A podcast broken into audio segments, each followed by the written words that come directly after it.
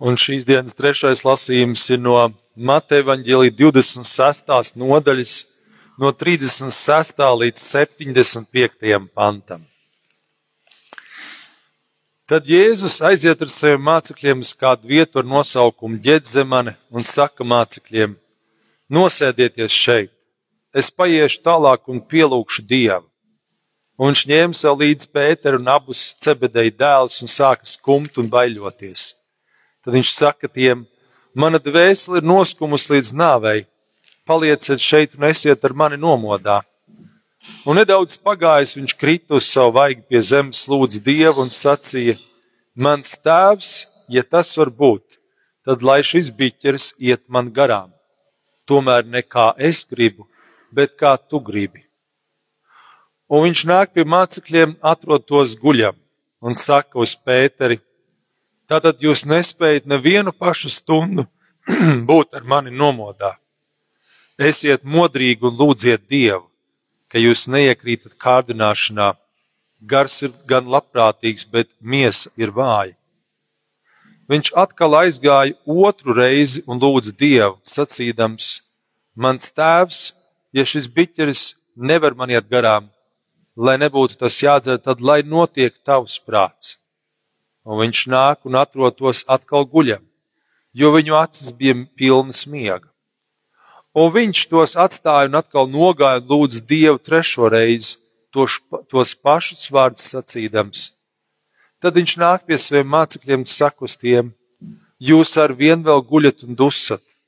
Redzi, tā stunda ir klāta. Cilvēka dēls tiek nodots grēcinieku rokās. Celieties, ejam! Redzi, kas mani nodod, ir klāt. Un viņam vēl runājot, redz, nāca jūda, viens no divpadsmit, un viņam līdz liels ļaužu pulks no augstajiem priesteriem un tautas vecajiem ar zobeniem un nūjām. Bet nodevējs bija tiem devis tādu zīmi un sacījis: Kur es skūpstīšu, tas ir tas, to gūstiet. Un tad viņš piegāja pie Jēzus, sacīja: Es sveicināju rabi un skūpstīja viņu. Bet Jēzus tam sacīja: Draugs, kāpēc tu esi šeit? Tad tie piegāja pie Jēzus, pieliktam rokas, to saņēma. Un redz, viens no tiem, kas bija pie Jēzus, izstiep roku, izvilka zobenu, cirta augstā priestera kalpam, nocirt viņam ausi. Tad Jēzus saka tam: Bāz savu zobenu viņa vietā, jo visi, kas ņem zobenu, no zobena aizies bojā.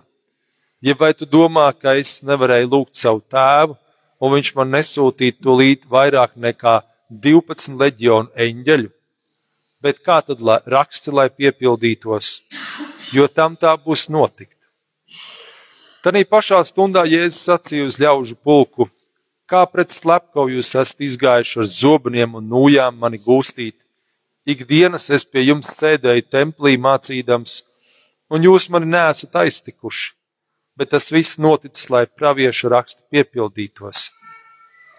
Tad visi mācekļi atstāja viņu un bēga bet tie Jēzus saņēma un aizveda pie augstā priestera Kajafas, kur rakstu mācītāji vecai bija sapulcējušies. Bet Pēters viņam seko no tālienes līdz augstā priestera pilī un tur iegājis apsēdās pie sulāģiem noskatīties, kā viss beigsies. Bet augstie priesteri vecie un visa augstā tiesa meklēja viltus liecību pret Jēzu, lai to varētu nokaut, un tomēr neatrada.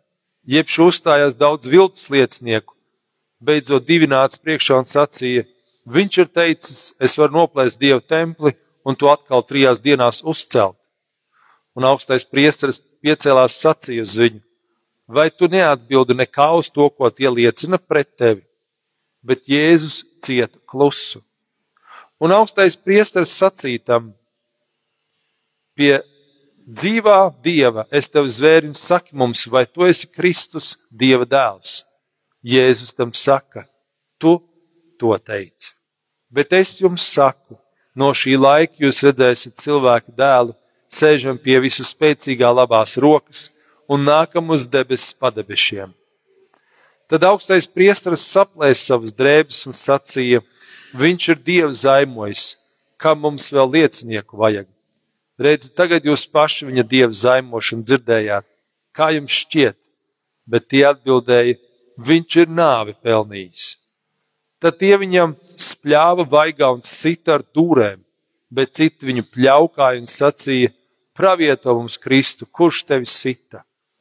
Bet Pēters sēdēja priekšnamā, un pie viņa pienāca kalpons un sacīja: Tu arī dzen biji ar Jēzu Galilieti. Bet viņš liedzās visu priekšā sacīdams: Es nesaprotu, ko tu runā.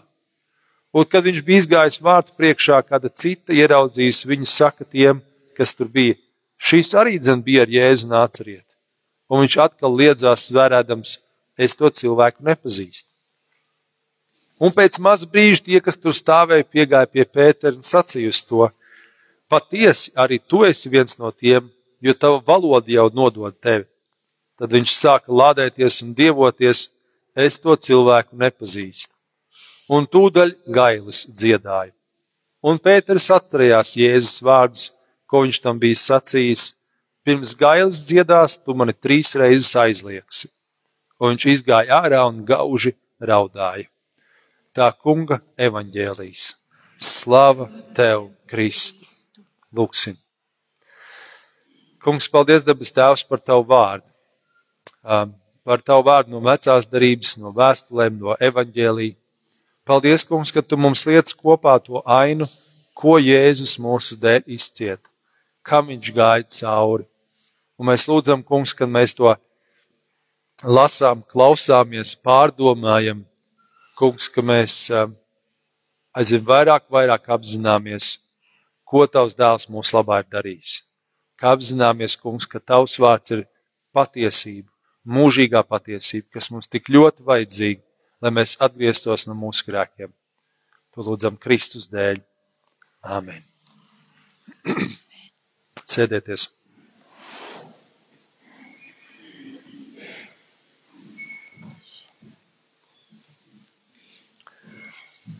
Šodien tāds uh, garš lasījums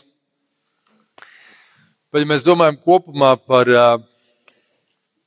par šo dienu, par šo pūpolu svētdienu, palmu svētdienu, tas iezīmē arī to, kā tas notika tajā laikā.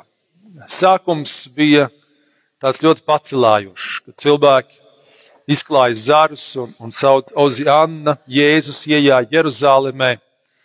Tūlītās viņam likās, tūlītās, tūlītās viņš Uh, ieviesīs te kārtību un beidzot būs uh, nogāzti okupanti, kur, kur jūdi uzskatīja romiešus par tādiem, un tūlītās, tūlītās uzvarēs Dievs un, un parādīsies Dieva taisnība. Un tad mēs pēc šī lasījuma, kas bija sākumā evaņģēlī, kur Jēzus iejā Jeruzalemē, mēs, mēs uzreiz pārējām pie 22. psalma, kuru būtība ir Kristus lūkšana, pirmsnāvis lūkšana vai nāves agonijas lūkšanu, mēs varam teikt, Dievs, kāpēc tu man esi atstājis? Šodienas uzruna būs arī par atlikušām vēl divām citām rakstvietām no Iesaijas un Filipiešiem, un beigās nedaudz arī pieskarsimies šim Mateja evaņģēlī garajam lasījumam. Bet tas mērķis ir mūs nedaudz arī sagatavot nedēļai, kas nāk, klusai nedēļai, kurā mēs gan svinēsim zaļo ceturtdienu ar, ar, ar svinot vakarēdienu un jauno derību, ko Jēzus iestāda caur uh, uh, attiecinot to uz sevi. Mēs pieminēsim Kristus krusta nāvi, uh, krusta godināšanas dievkalpojumā, un visbeidzot tie, kas vēlās, arī dosimies krusta ceļā cauri Saldas pilsētai no šīs baznīcas līdz pat katoļu baznīcai 14 stācijās pieminot Kristus krusta ceļu, kur, kur viņš izgāja cauri.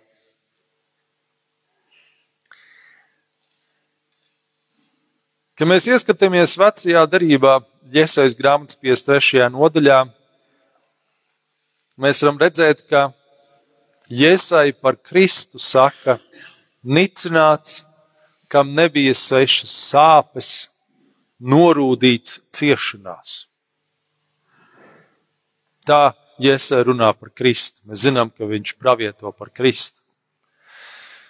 Mēs varam jautāt, vai mēs zinām kādu cilvēku sev līdzās, kurš atbilst šādam raksturojumam.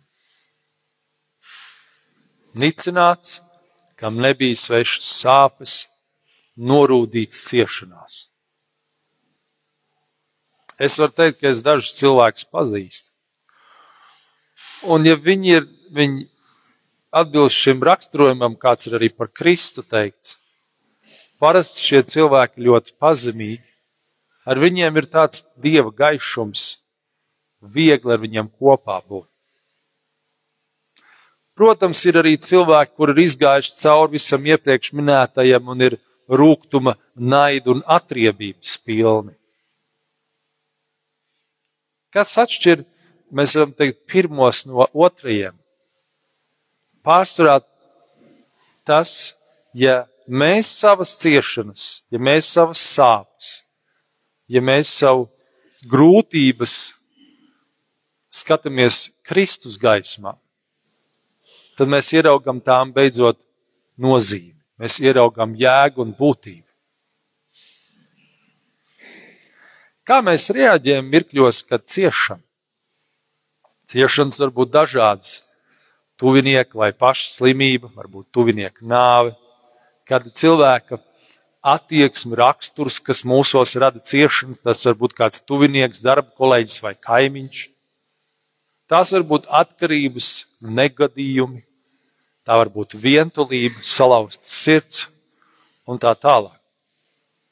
Kad mēs ciešam, vai mēs domājam par Jēzus ciešanām, vai mums kaut ko nozīmē Kristus ciešanas. Mēs lasām, ka Viņš cieta mūsu dēļ. Mēs lasām šajā iesai 53, ka mūsu sāpes Kristus bija uzkrāvis sev. Mūsu sots bija uzlikts viņam. Mēs lasām, mēs maldāmies kā avis, bet viņam Tēvs uzkrāva visu smagumu, mūsu grēka nastu. Un visā tajā viņš neatdarīja muti. Viņš bija kā auss cirpēja priekšā. Garajā lasījumā no Mateja evaņģēlī mēs dzirdējam, ko tik ar viņu nedarīja. Ar Kristu, kurš ir pilnīgi bez vainas, neko nav darījis nevienam slikti. Viņš tika satriekts ar ciešanām mūsu dēļ. Viņš Jēzus sev nodeva kā salīdzinājumu upuri par mūsu grēkiem. Cik ļoti to mēs apzināmies? Un šis laiks ar šo pūpolu svētdienu iesākot, ir tas aicinājums, ka mēs domājam par to, ka mēs lasām varbūt Bībeli vairāk padziļinātāk. Varbūt vēlreiz izlasām to, ko es šodien lasīju no Mateja uh, evaņģēlī, lai vēl dziļāk ieiet tajā un domāt, ko tas man nozīmē. Es parasti arī aicinu arī cilvēkus, un nereti pats to daru, skatīties Jēzus filmu šajā laikā, varbūt nostīties arī Gibsona filmu Kristus ciešanas, ļoti nežēlīga filma, varbūt nedaudz, nedaudz pārspīlēta, bet, kad tu skaties to, tad tu vari sev jautāt, ko es par to jūtu. Vai tas ir vienkārši, vienkārši filma, vienkārši cilvēks, kurš tiek krustā sists un, un, un kurš tiek sists un nopelts, vai tomēr tas ir kaut kas vairāk. Tas ir mans kungs, mans pestītājs, mans glābējs.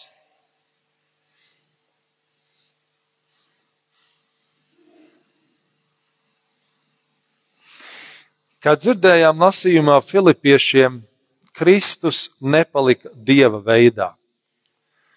Kristus nepalika tur augšā debesīs kā dievs bet viņš iztukso, iztukšoja sev pieņemdams kalpa veidu, cilvēku veidu. Viņš varēja palikt tur debesīs. Viņam tur bija labi ar tēvu un svēto garu debesīs. Bet viņš piekrita labprātīgi nākt un kļūt par kalpu, par cilvēku. Un ne tikai par kalpu un cilvēku, bet beigās viņš paklausīja līdz pat krusta nāvei. Viņš bija piekalts pie krusta kā noziedznieks, kā pēdējais, visbriesmīgākais. Un viņš gāja vēl tālāk. Es to roku varu tik zem nolikt. Viņš nokāpa ellē. Viņš nokāpa tur, kur ir visbriesmīgāk. Un tad viņš augšām cēlās. Sēž pie tēva labās rokas un paaugstināts pār visiem vārtiem. Dievs, cilvēks, noziedznieks. Labprātīgi pazemojās mūsu dēļ, sev atdevis viss par mums. Kad mēs to klausāmies, vai kaut kas mūsu sirdīs sakustas? Vai mēs esam varbūt savā dzīvē piedzīvojuši, kāds cilvēks tā nododas mūsu labā? Pārsvarā reti, vai ne? Mēs gribam, lai kāds nododas mūsu labā, bet nevienmēr mēs paši gribam nodoties citu labā. Kā rakstos lasām, mēs pārsvarā visi lūkojamies tikai uz savu ceļu, sautīgi. Bet tas kungs deva, un Jēzus piekrita mirt mūsu dēļ.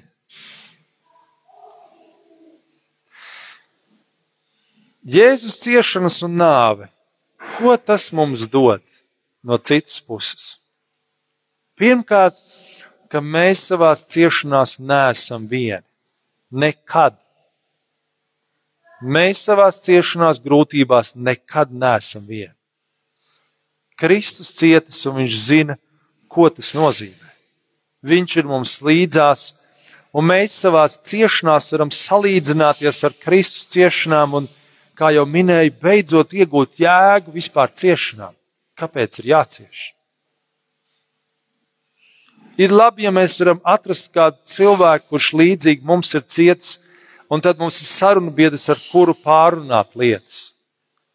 Bet arī, ja tāds neatrodas, Kristus ir labs uzklausītājs un labs padomdevējs. Viņš mūs saprot. Viņš ir cietis, būdams pilnīgi nevainīgs. Ziniet, kad mēs kādreiz ciešam, mēs gribam meklēt taisnību un teikt, kāpēc tas tā ir bijis, un kāpēc, un kādreiz gribam meklēt vainīgos un kādus vainot. Ui, Kristum bija ļoti daudz ko vainot, ja viņš gribēja. Jūdu nodevēju, un farizējus, un augsto priesteri, un tos, kas viņu sita vaigā, un sargus, un kas viņu pletnēja, un ko tik nedarīja bet viņš cieta klusu. Kā auss, kas nodota cirpēji rokās. Otrais, ko mums dod šīs ciešanas, tikai caur Kristus ciešanām nāvi mēs varam ieraudzīt, ka spēks ir vājumā. Proti, kad esam vāji, mums vajadzīgs Dievs. Kad nākam pie Dieva, Viņš mums dod savu spēku. Viņa spēkā mēs esam stiprāki nekā savā spēkā. Tātad, kad esam vāji, tad esam spēcīgi, ja vien vēršamies pie Kristus. Mēs savā vājumā un ciešanās varam vienkārši arī bēdāties un čīkstēt. Vai cik grūti, vai cik slikti. Un, protams, ir liels ciešanas, kas ir grūtas, bet vaidēšana un čīkstēšana neko nedod. Bet, ja mēs nākam pie Kristus, tad šis vājums, nespēks, grūtības un ciešanas, ka mēs esam izgājuši cauri, varbūt par milzīgu spēku un atbalstu citiem, kas iet līdzās cauri. Tāpēc jau Kristus to izgāja, lai Viņš būtu par atbalstu mums. Un, ja mēs pazīstam Kristu, mēs varam nākt pie Viņa savās grūtībās, ciešanās, smelties spēku priekš sevis Un parasti ir tas spēks tik daudz, ka ir kam dot arī vēl pārpaliek. Cilvēks šodien uzrunā Ukrainas prezidentu Valodomīra Zelenska vārdi, kad viņš kaut ko saka. Kāpēc? Tāpēc, ka savā satriektībā un postā, kādā Ukraina atrodas kara dēļ, darbojas Dieva spēks. Tāpat arī vienu, kurš pārdzīvojis grūtības, ciešanas, sāpes, pārsvarā viņā ir vērts ieklausīties, ja tur nav čīkstēšana tikai. Cilvēks, kas ir izdzīvojis kādas ciešanas, Viņš ir kaut ko sapratis, kaut kam izgājis cauri, kaut kas tur ir noticis. Tie, kas vēl ir dzīvi, tie, kas ir izdzīvojuši otro pasaules karu vai pēckara grūtības, grūtos laikus, badu, ļoti daudz strādāt un viss cits, kad runājam ar viņiem, mēs varam cilvēcis teikt, viņiem ir savs krampis, kā saka. Viņi ir kaut, ko, kaut kam izgājuši cauri. Mēs zinām, ka daudzi par šodienas jauno paudzi, 20, 30 gadniekiem, mileniāļiem saka, ko tad viņi vispār no dzīves saprot. Tādā kontekstā mēs varam saprast.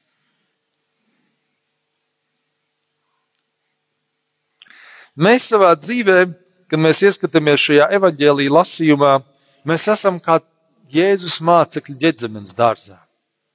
Kristus mūs aicina lūgties, bet mēs guļam.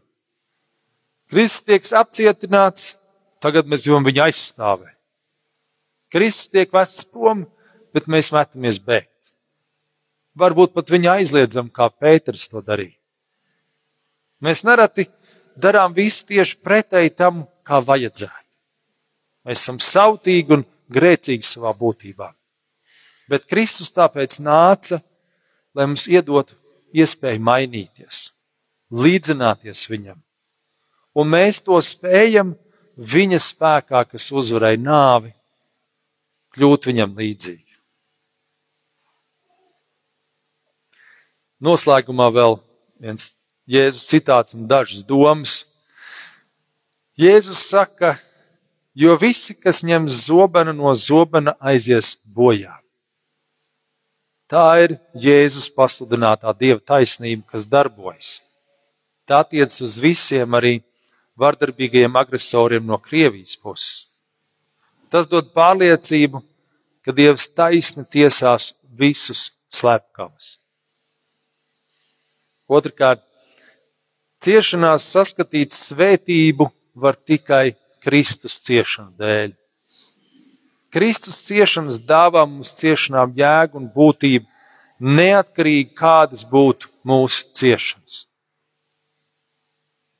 Un treškārt, mēs varam tikt uzskatīti par noziedzniekiem, arī ja tādi nesam. Kristus tika pielīdzināts noziedzniekiem, lai gan nekā ļauna nebija darījis. lai Kristus ciešanas palīdz mums izdzīvot mūsu ciešanas un būt pazemīgiem, kāds Kristus bija. Āmen!